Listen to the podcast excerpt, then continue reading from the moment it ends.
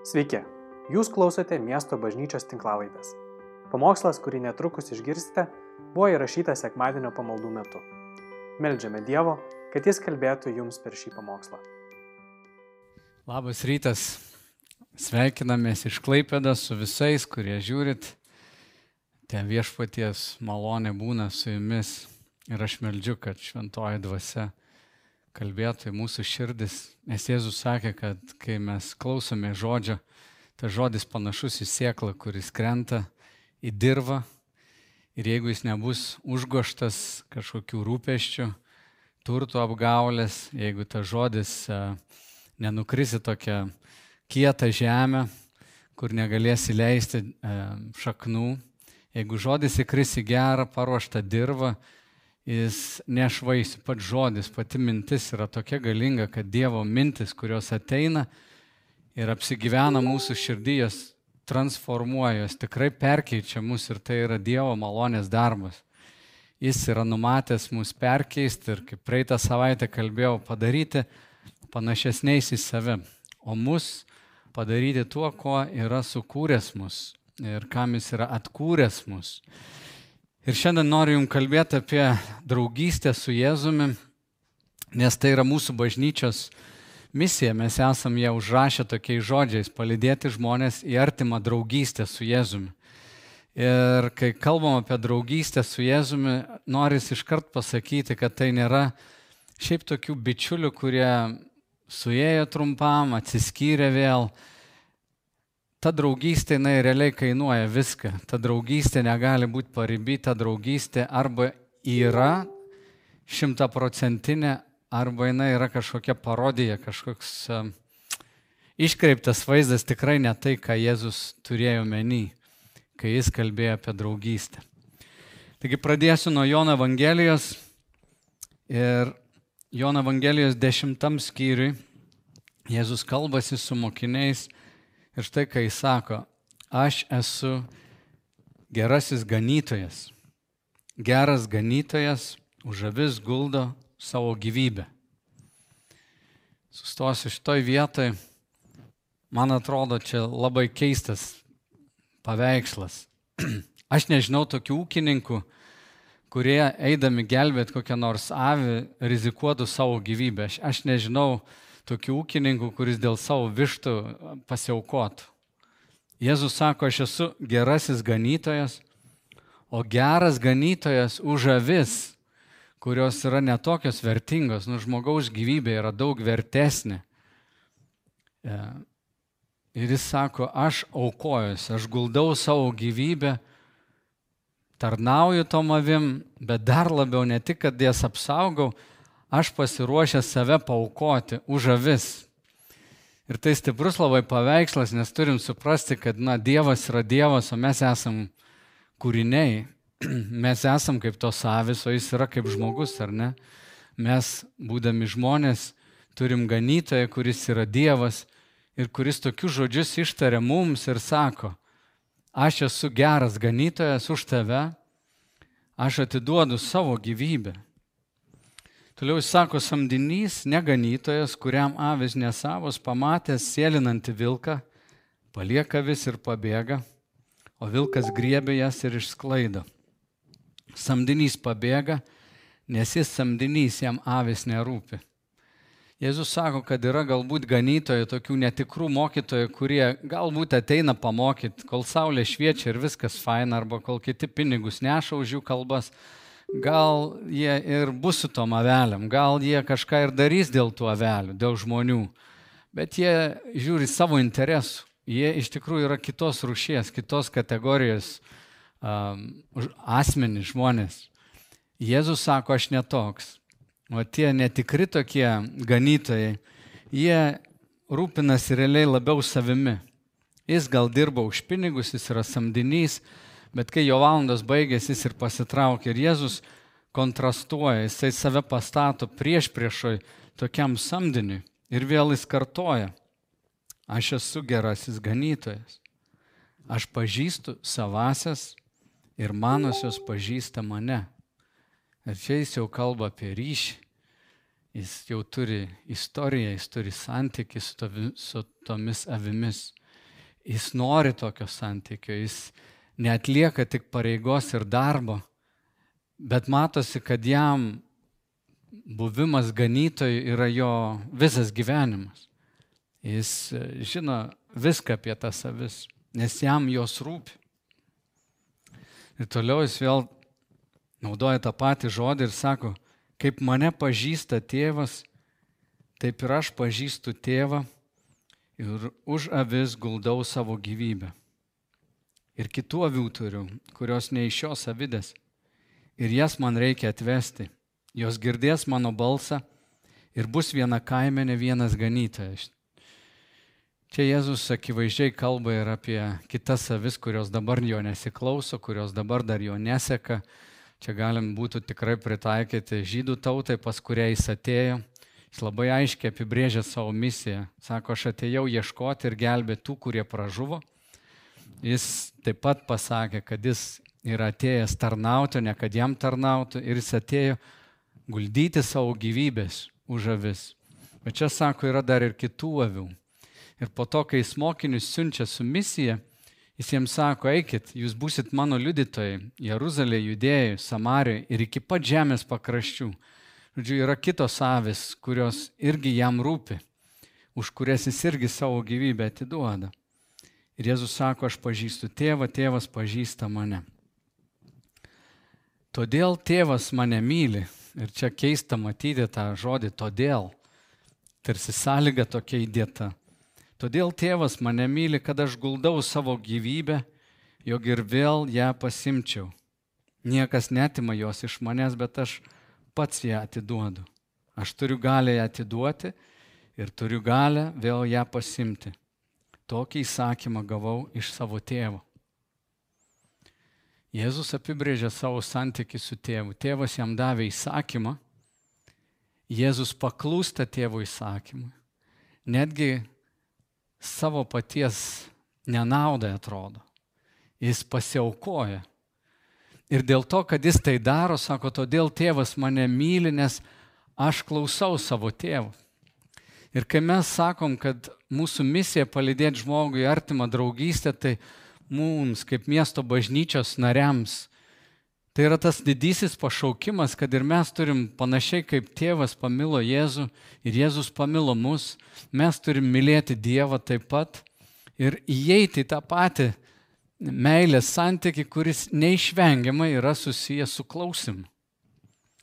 Jeigu aš ir tu neklausom Jėzaus, mes į nieku paverčiam. Ir tikrai negalim sakyti, aš esu draugas, tikrai negalim jam sakyti, aš jį myliu. Tai yra veidmainystė. Geriau patilėti, nes kvailiai Dievui nepatinka. O kad tas veiksmas įvyktų, kad mes pradėtumėm iš tikrųjų Dievą už viską aukščiau vertinti, tai jau yra Dievo malonės darbas, kuris vyksta mumise. Ir Dievas nuolat beldžiasi į žmogaus širdį. Tavo mano per visą gyvenimą jisai belsis į mūsų širdis, nes jis turės mums ką pasakyti. Ir ne tik pasakyti, bet ir įsakyti. Ir jis į tokį santykį kviečia, nes tikras intimumas, tikra draugystė gali būti tik tarp tokių asmenų, kurie pasiruošia vienas už kitą gyvybę atiduoti. Ne tie, kurie žaidžia draugais, ne tie, kurie apsimeta, kol saulė šviečia ir viskas gerai, bet tie, kurie savo sielą, savo širdį surišo bendrai misijai, yra įsipareigoję jie ir jie laiko vienas kitą aukštesniu už save, pastatė prioritetą. Ir mes matom per Evangelijas, kad Jėzus niekada nenori atsistoti į 17 vietą, nes jis pats taip nesielgia su savo uh, kūriniais, jis taip nesielgia su savo velėmis, jis nėra samdinys, jis nėra pasiruošęs pabėgti, jis yra visą kuo įsipareigojęs, pasišventęs ir niekas negali tavęs atskirti nuo jo meilės. Jo meilė yra beprotiška, mums sunkiai suvokiama, mums reikia Dievo suvokimo, kad galėtumėm būti šventąją dvasę perkelti praeitį, pamatyti Jėzaus kančią ant kryžiaus ir suprasti, kad kai jis kentėjo, jisai tai darė dėl mūsų. Ir jo pirmas ateimas, kai jis atėjo pirmą kartą į žemę, jis atėjo, leido, kad vinis būtų perdurtos per jo rankas, kad jo šonas būtų persmeigtas. Jis atėjo numirti už mus, jis atėjo pasiaukoti, guldyti gyvybę Kad kai antrą kartą ateis, kad jam nereiktų tavęs sunaikinti. Ir manęs nereiktų sunaikinti. Kad jis turėtų teisę nesunaikinti tavęs ir manęs. Nes jis savo teisumą mums davė. 15 skyriui Jėzus irgi sako, nuo devintos eilutės, kaip mane tėvas pamilo, taip ir aš jūs pamilau. Pasilikite mano meilėje. Jei laikysitės mano įsakymų, pasiliksite mano meilėje, kaip aš, kad vykdau savo tėvo įsakymus ir pasilieku jo meilėje. Aš jums tai kalbėjau, kad jumise liktų manasis džiaugsmas ir kad jūsų džiaugsmui nieko netrūktų. Tai yra mano įsakymas, kad mylėtumėte vienas kitą, kaip aš jūs pamilau. Niekas neturi didesnės meilės kaip tas, kuris savo gyvybę už draugus atiduoda. Jūs esate mano draugai, jei darote, ką jums įsakau. O jeigu jūs nedarote, ką aš jums įsakau, jūs nesate mano draugai jūs esat kūriniai. Taigi, būti artimoji draugystėje, mums visiems, kurie vyresni tikėjime esam, yra iššūkis, kad mes būtumėm pavyzdys tiems, kurie yra jaunesni, kurie po mūsų ateina tikėjime, kad mes būtumėm pavyzdžių savo broliam ir sesam ir parodytume meilę Dievui, klausydami jo jūs pasiliksite meilėje, jeigu jūs laikysitės mano įsakymų. Ir žinoma, kai kurie įsakymai yra jo žodėje surašyti, jie yra bendri. Ir yra įsakymai, kurias Jėzus duoda tau konkrečiai gyvenimo kažkokioj situacijoje, jis atves tave prie pasirinkimų. Ir čia jis duos tau įsakymą. Ir klausimas bus, ar tu atsiliepsi, ar tu jį nustumsi į šalį. Aš šiandien taip suprantu, kad jeigu aš ignoruosiu Dievą arba savo širdyje jį menkinu ir paverčiu jį 17 vietoje esančių asmenių, aš turbūt ir neišgirsiu tų Dievo kvietimų. E, turbūt ir neįvyks tas veiksmas manyje. Tai kartais aš galvoju, e, kai kalbuosi, pokalbį, taip man susidaro toks vaizdas, kad Pas kai kuriuos Dievo paveikslas yra toks. Dievas yra toks vienišas senelis, kurį, na, yra pareiga aplankytis, turėtų kažkur ten, reikia pasinų važiuoti, kad, kad nebūtų jam liūdna. Arba gali būti Dievas toks, na, bičiulis, galbūt, kuris gyvena kokiai fainoj vietoje su baseinu ir tu, mat, kai neturi ką veikti arba kai tau reikia pramogos, gal nuvažiuosiu tenais ir pabūsiu. Ir kartais mes taip į kokią konferenciją lėkiam ar dar kažkur norim sudalyvauti, bet tai yra va, Dievas toks, na, bičiulis, toks draugelis. Aš renkuosi, va, kada paskambinsiu jam ir sakysiu, gal galiu atvaryti pas tave biški, pabūti, pasilinksminti, kažkaip liūdna. Aišku, kiti turi liūdnus paveikslus, Dievas gali būti piktas tėvas, kuris nuolat kažko tikisi, reikalauja ir engia tave ir tada tu nori nuo jo bėgti ir tai iš vis nesinori prie jo artintis. Kiti mato Dievą kaip policininką kažkokį, kuris, žinai, įjungęs radarą žiūri, kada tave nubausti. Mes nešiojamės tos skirtingus paveikslus, bet jų nerasit Biblijoje. Kai skaitai Dievo žodį, na va čia skaitai ir tu sakai, Jėzus, aš už savo vis guldau gyvybę aš nebeturiu kitų profesijų, aš neturiu kitų užsiemimų, aš esu Dievas, aš sukūriau jūs, aš už jūs save paukojau, aš noriu būti santykiai su jumis. Ir vieną dieną Dievas bus tas centras, absoliuti šviesa, absoliutis mūsų visa esybė. Nes mes esam čia žemėje tik trumpą laiką. Man brolis Valdas šiandien pasakė, mes kariaujam visą gyvenimą, kovojam, bandydami išvengti to, kas yra neišvengiama. Mes visi išeisim iš šitos, šitos žemės. tai yra didžiausia neišvengiamybė. šimtaprocentinis užtikrintumas, kad tu mirsi. Ir tu būsi Dievo akivaizdai. Ir kai mes būsim Dievo akivaizdai, mes atsistosim Dievo teisme. Ir Jėzus yra mūsų advokatas. Tas vilkas, kuris ateina pas savis, yra prokuroras, jis tą vieš, viešai kaltinimą pateikė. Ir, ir klausimas, kas tave gins? O kai tu mirsi, kai tu atsistosi, kas tave gins, kas tavo advokatas? Ką tu Dievui pasakysi?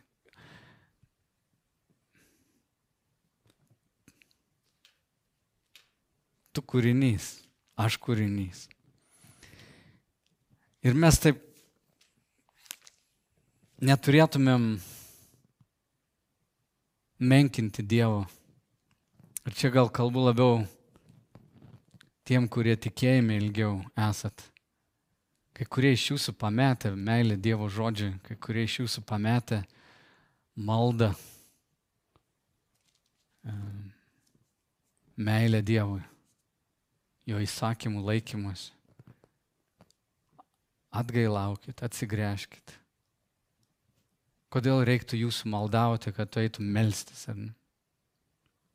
O vieną dieną tavo advokatas bus ten ir sakys, aš visada buvau šalia, o tai per gyvenimą ir tau jo nereikėjo. Visą tai Jėzus pasakė, kad mumise būtų jo džiaugsmas, nes gyvenime nėra didesnio džiaugsmo šaltinio, kaip būti meilė ir žinoti, kad Dievas šypsosi, kad tai, ko jis manęs paprašė, aš padariau. tai, ko jis nori iš manęs šiandien, tai, kuris nori mane nuvesti per šiuos metus, aš tai darau. Ir mano sąžinė yra rami. Aš negyvenu nei gėdoj, nei kaltėjai, aš tiesiog jaučiuosi ramus, aš nuolat paklausiu Dievę, pasakyk, ką turi daryti, aš noriu klausytis, jeigu matai, kad mano ausis kažkur apkerpėjo, užsikišo, tai pravalyk jas, bet aš noriu girdėti. Ir jeigu tu klausaisi, jeigu tu jo prašai, būk įsitikinęs, kad Dievas tau ir parodys, ir nukreips, ir ves, ir tada tu einėsi pilnas džiaugsmo, nes tu esi harmonijoje su Dievu. Dar vienas eilutės, mato, dešimtas skyrius, nuo 32 eilutės. Jėzus sako, kas išpažins mane žmonių akivaizdoje. Ir aš jį išpažinsiu savo dangiškojo tėvo akivaizdoje. Jeigu tu jo neišpažinsi ir jis tavęs neišpažins, jis nebus tavo advokatas, jeigu tu jo nepadarysi savo advokatu čia žemė. Jeigu tu nepadarysi jo užtarėjų, tai po mirties jis netaps tavo užtarėjas. Jėzus tai aiškiai sako. Kas išsižadės mane žmonių akivaizdoje ir aš jo išsižadėsiu savo dangiškojo tėvo akivaizdoje. Tai rimtas perspėjimas. Rimtas perspėjimas mums, ką mes branginsim. Ar tai, ką šiandien čiupinėjom, kas yra laikina, ar visgi savo širdimis visą sielą įsikabiname tai, kas amžina, kas nematoma, bet kas garantuotai ateis. Kaip mirtis ateis, taip ir amžinybė su mirtimi pasidarys daug ryškesnė. Nemanykite, jog aš atėjau atnešti žemėn ramybės Atėjau atnešti neramybės, o kalavijo. Atėjau sukiršinti sunaus prieš tėvą, dukters prieš motiną ir marčios prieš anytą. Žmogaus namiškiai taps prieš, jam priešais. Kas myli tėvą ar motiną labiau negu mane, nevertas manęs. Kas myli sūnų ar dukterį labiau negu mane, nevertas manęs. Kas neima savo kryžiaus ir neseka paskui mane, tas nevertas manęs. Kas išsaugo savo gyvybę praras ją, o kas praranda savo gyvybę dėl manęs, atras ją. Jėzus nurodo į save kaip į Dievą, jisai liepia mums pastatyti į pirmą vietą. Na, arba jis kulto lyderis kažkokio yra, bet tokių žemė net nebuvo, nieks nedrįsdavo tai pasakyti, nei koks būdas savęs Dievo nevadino, nei Muhamedas, nieks negalėjo, nieks apie, apie save taip nekalbėjo kaip Jėzus. O jis reikalauja visiško atsidavimo, visiško savęs pavedimu jam. Iki tiek, kad netgi sako, kas myli tėvą ar motiną labiau negu mane. Kam tėvo ar motinos nuomonė yra didesnė, svarbesnė, reikšmingesnė negu mano nuomonė, tas nevertas manęs. Jis neigia draugystę su manimi. Tai taip stipru ir kategoriška. Ir iš tikrųjų turi padaryti tą sprendimą savo galvoj. Arba Jėzus yra viešpats ir karalius ir tu visom savo jėgom nori jį paversti tokiu savo gyvenime per savo atsidavimą. Arba jis iš tikrųjų, taip sakydamas, buvo baisiausias lyderis, nes nieks tiek nėra pareikalavęs. Kas myli sūną ar dukterį labiau negu mane nevertas manęs. A čia visom mamom turbūt labai rimti žodžiai. Jeigu taip ne juokais apie juos pamastytum, ar tu gali pasakyti savo vaikams, ar jie žino, kad jiems Dievo nuomonė turėtų būti svarbesnė už tavo kaip mamos nuomonę? Ar to mes mokom savo vaikus, kad Jėzus yra prioritetas? Nes iš tikrųjų, jeigu mes to nemokam ir mes sakom, eik ieškok savo kelio, savo potencialą, vaikelis to, kur tu nori, žinai, gyvenk kaip tu nori, tai mes apvagiam juos ir jie praras savo gyvybę. Kokia nauda žmogui, jeigu jis tris fabrikus pasistatė, ar visą pasaulį internetu užkariavo, milijardų savo nesuskaičiuoja, nes jie taip greitai auga, bet prarado savo paties gyvybę, jisgi išeis toks pat nuogas, kaip atėjo. Jėzus sako, tai yra kvailio gyvenimas. O mes girdim tuos žodžius ir galim padaryti šiandien tą sprendimą ir pavesti save Dievui. Ir aš galvoju, pas vienus dabar tai, ką kalbu, tikrai piktis turbūt kyla. Kai kurie sako, čia absurdas, čia nesąmonė. Ir žinot, kodėl taip gali būti? Dėl to, kad žmogus nepamatė, kokia Jėzaus meilė. Jeigu suprastum, kaip Jėzus myli ir, ir kas laukia mūsų po šimto, dviejų šimtų metų, tai kitaip ir negali kalbėti. Nu, turi žmogui duoti pasirinkimą ir sakyti, klausyk žmogau, apsispręsk, ar tu supranti, kad tavo kaip kūrinio gyvenimas po mirties bus be manęs, jeigu tu rinksies. Jokingai skamba tavo pasirinkimai šiandien ignoruoti tai, kas yra amžina. Jokingai jie skamba. Ir kalbu visiems vat, mūsų bažnyčios žmonėms, kurie mes tikėjime esam. Būkim tie, kurie savo širdimis nuolat tyriam savo širdis, ar neapgavo mūsų širdis, ar ta kvaila mažutė širdelė nenuėjo savo kažkokiais kvailais keliukais. Ar, ar ne, neprarado proto, žinai, nes jeigu taip klausysi širdies, nu, pasiklysi gyvenime. Yra kažkas daugiau nei mūsų širdis. Yra išmintis per amžius sukaupta. Ir kai tik Dievas apreiškė savo, savo tą meilę, tu supranti viskas. Aš radau lobį, dėl jo aš galiu parduoti visus savo niekniekius, kad nusipirkčiau tą lauką ir žinai, kur tas lobis paslėptas. Viską dėl jo galiu atiduoti. Ir Jėzus bando nuolat tą pasakyti, kad jūs nesigailėsit, kad tikrasis gyvenimas, kurį tu atrasi, yra, kai tu savo gyvenimą prarasi. Man labai patinka Bernardo Klerviečio, kuris e, gyveno 12 amžiui. Daug raštų, jis daug labai yra parašęs apie Dievo meilę. Jis 86 pamokslus yra vien pasakęs iš e, giesmių giesmės. Hebrajų to, um, rašymo, uh, knygos giesmių giesmė apie Dievo meilę ir žmogaus meilę Dievui. Ir jisai įdomiai taip įvardyja, jisai užduoda tokį klausimą, sako, jeigu tu manęs paklausi, kodėl Dievas turėtų būti mylimas, aš tau atsakyčiau, Dievas turi būti mylimas dėl, pate, dėl savęs paties, dėl to, kas jis yra. Ir nėra jokio kito asmens, kitos būtybės, kuri būtų teisingesnė, kad galėtum ją mylėti, arba vertesnė meilės. Mes esam kūriniai, Dievas mūsų sukūrė ir kaip kūriniai mes turim jį mylėti, bet dar labiau per Kristaus atpirkimą mes turim ir atkūrimą. Ir mes svajojam, kad kaip bažnyčia neštumėm tą malonės Evangeliją, kad Dievas yra geras, kad Jis yra mylintis, kad Jis pirmas žengia žingsnį link tavęs, kad matytumėm tūkstančius atkurtų gyvenimų. žmonių gyvenimai, kurie ne tik yra sukurti, jie gimė fiziškai čia, bet ir iš dvasios atgimtų ir būtų atkurti ir taptų tuo, ko turi būti Kristuje Jėzuje. Ir Bernardas Klervietis įsivardė meilės tokį progresą arba keturis meilės laipsnius. Ir jisai sako, kad pirmoji meilė yra mylėti save dėl savęs. Ką reiškia mylėti save dėl savęs? Visiems tai yra natūralu. Kai tu išalksi, tu pavalgai. Kai tu sušali, tu apsirengi. Kai tau kažko trūksta, tu ieškai, kaip save patenkinti. Mes visi save prižiūrim ir savimi rūpinamės. Mums natūralu yra savimi pasirūpinti. Mes mylim save dėl savęs.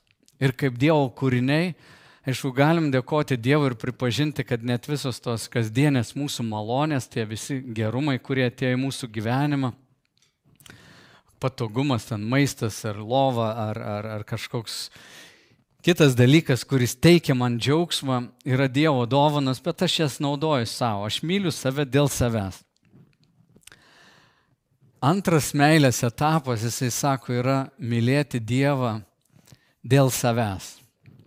Ką jis turi omeny? Mylėti Dievą dėl savęs yra irgi tendencija, kurioje mes turbūt save atrasim, tokioj būsenoj, kai mes einam per gyvenimą ir pasijuntam, kad mums nepakanka jėgų gerai gyventi.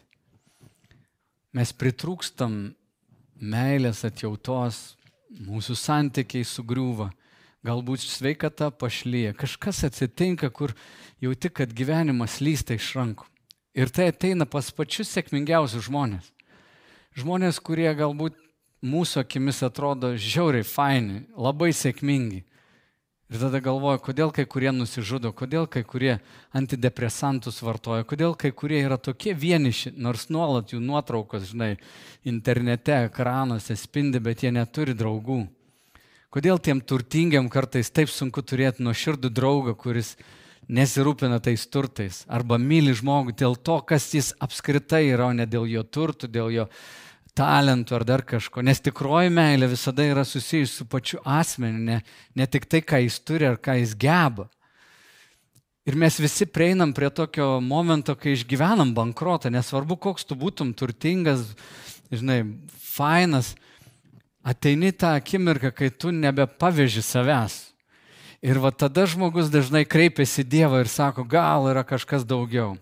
Ir kaip krikščionys mes per tą patį etapą einam. Mes dažnai į Dievo karalystę einam per tokias netektis, savo nuodėmingumo suvokimą. Aš net pasidalinau čia prieš naujus metus sveikinimu. Mano viena klasiokė sako, už ką čia tau reikėjo atleisti, tu toks fainas klasiokas buvai, toks liuks, ką tu ten buvai prisidirbęs dabar. Ar tu ten, žinai, 12 klasėje aš Kristus mane atrado. Ir jai toks, palauk, tugi fainas.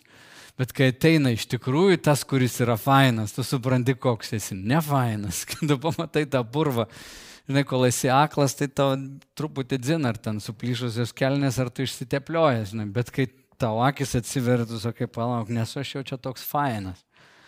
Tai mes vat ateinam į tokią, tokius, tokią stadiją savo gyvenime, kada Bernardas sako, mes pradedam mylėti Dievą, bet tik dėl savęs. Mes tada šaukiamės ir Dievas atsako į maldas. Mes kviečiam ir jis ateina. Mes sakom, išgelbėk ir jis išgelbėja, išgydyk ir jis išgydo. Padaryk stebuklą ir jis padaro. Sutaikyk mane su tuo žmogumi ir jis sutaiko. Ir sakom, wow, Dieve, tu toks fainas, ačiū tau, tu geras, tu geras, tu geras. Oi, kaip gerai. O kai kurie ant to tiek užsikabina, kad, na, Dievas jiems toks atrodo netgi skolingas gali būti. Įmetė pinigėlį, žinai, atėjo atsakymas. Ir kai kurie Dievo meilę tik tiek ir supranta ir nori labai, nu, dėl savęs.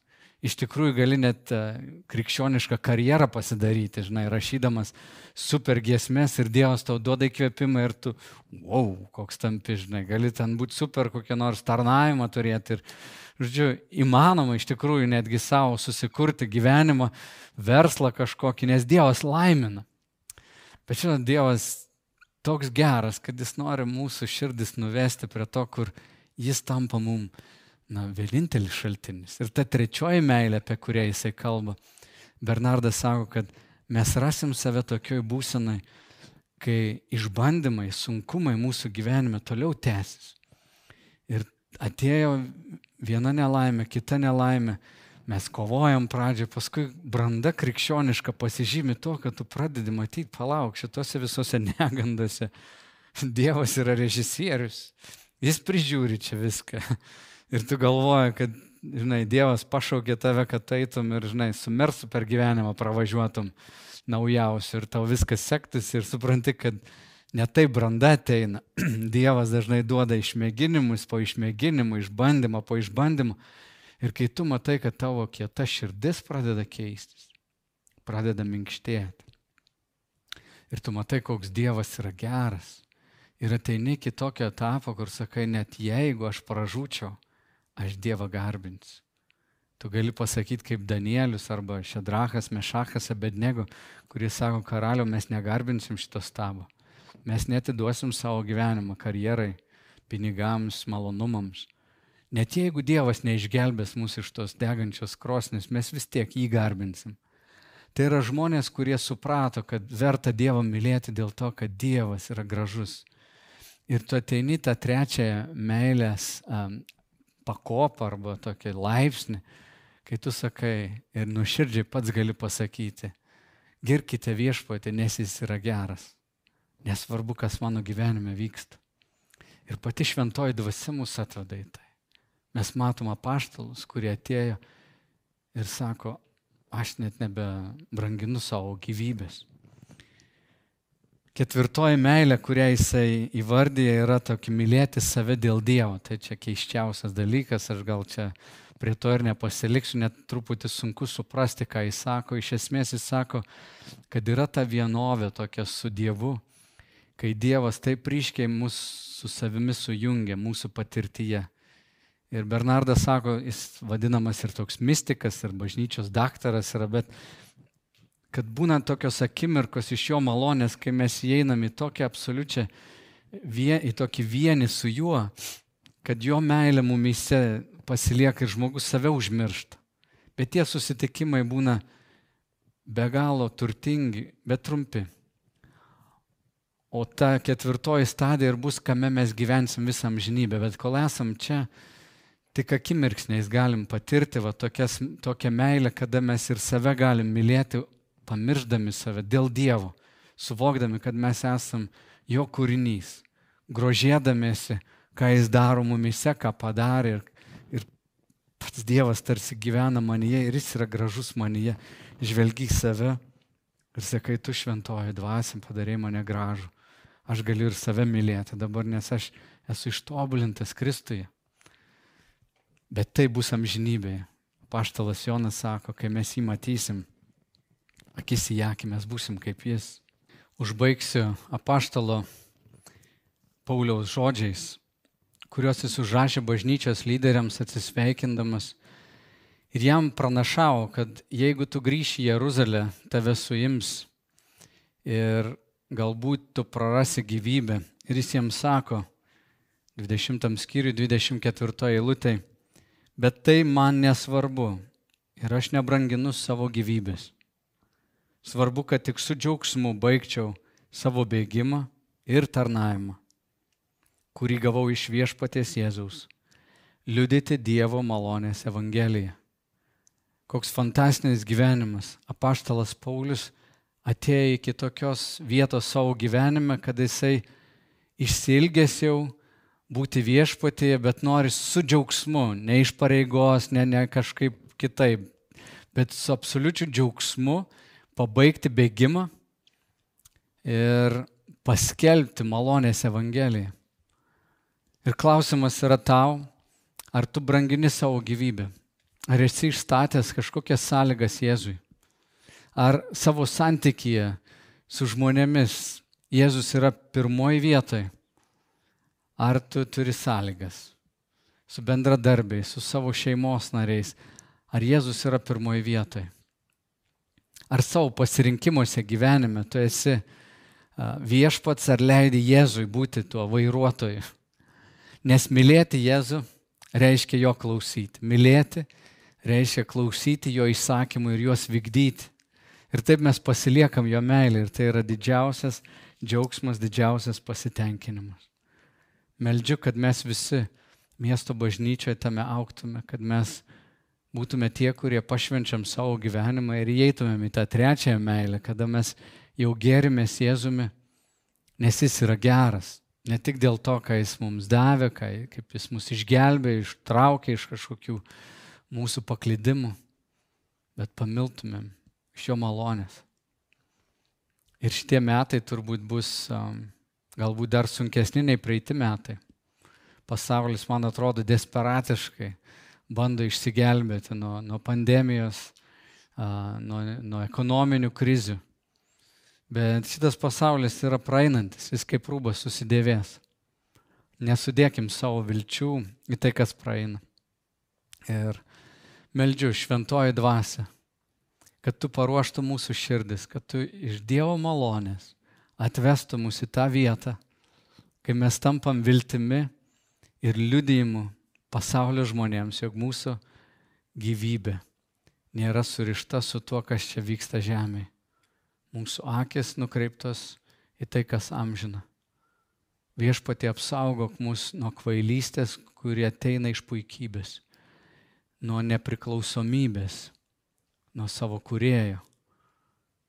Viešpatie, duok mums malonę, kad galėtum kaip apaštalas Paulius pasakyti, Kristaus tarnu, Kristaus vergu esu tapęs.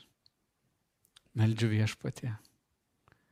Te tampa mūsų maldos laikas, mūsų žodžio skaitimo laikas kiekvieną dieną kaip neišvengiama būtinybė, kaip gyvybiškai svarbus dalykas, be kurio mes neišgyvensim. Tėve, palaimink kiekvieną, kuris klauso šių žodžių. Amen. Ačiū, kad klausėte. Daugiau informacijos apie miesto bažnyčią rasite internete www.m-b.lt arba Facebook, Instagram bei YouTube paskiruose.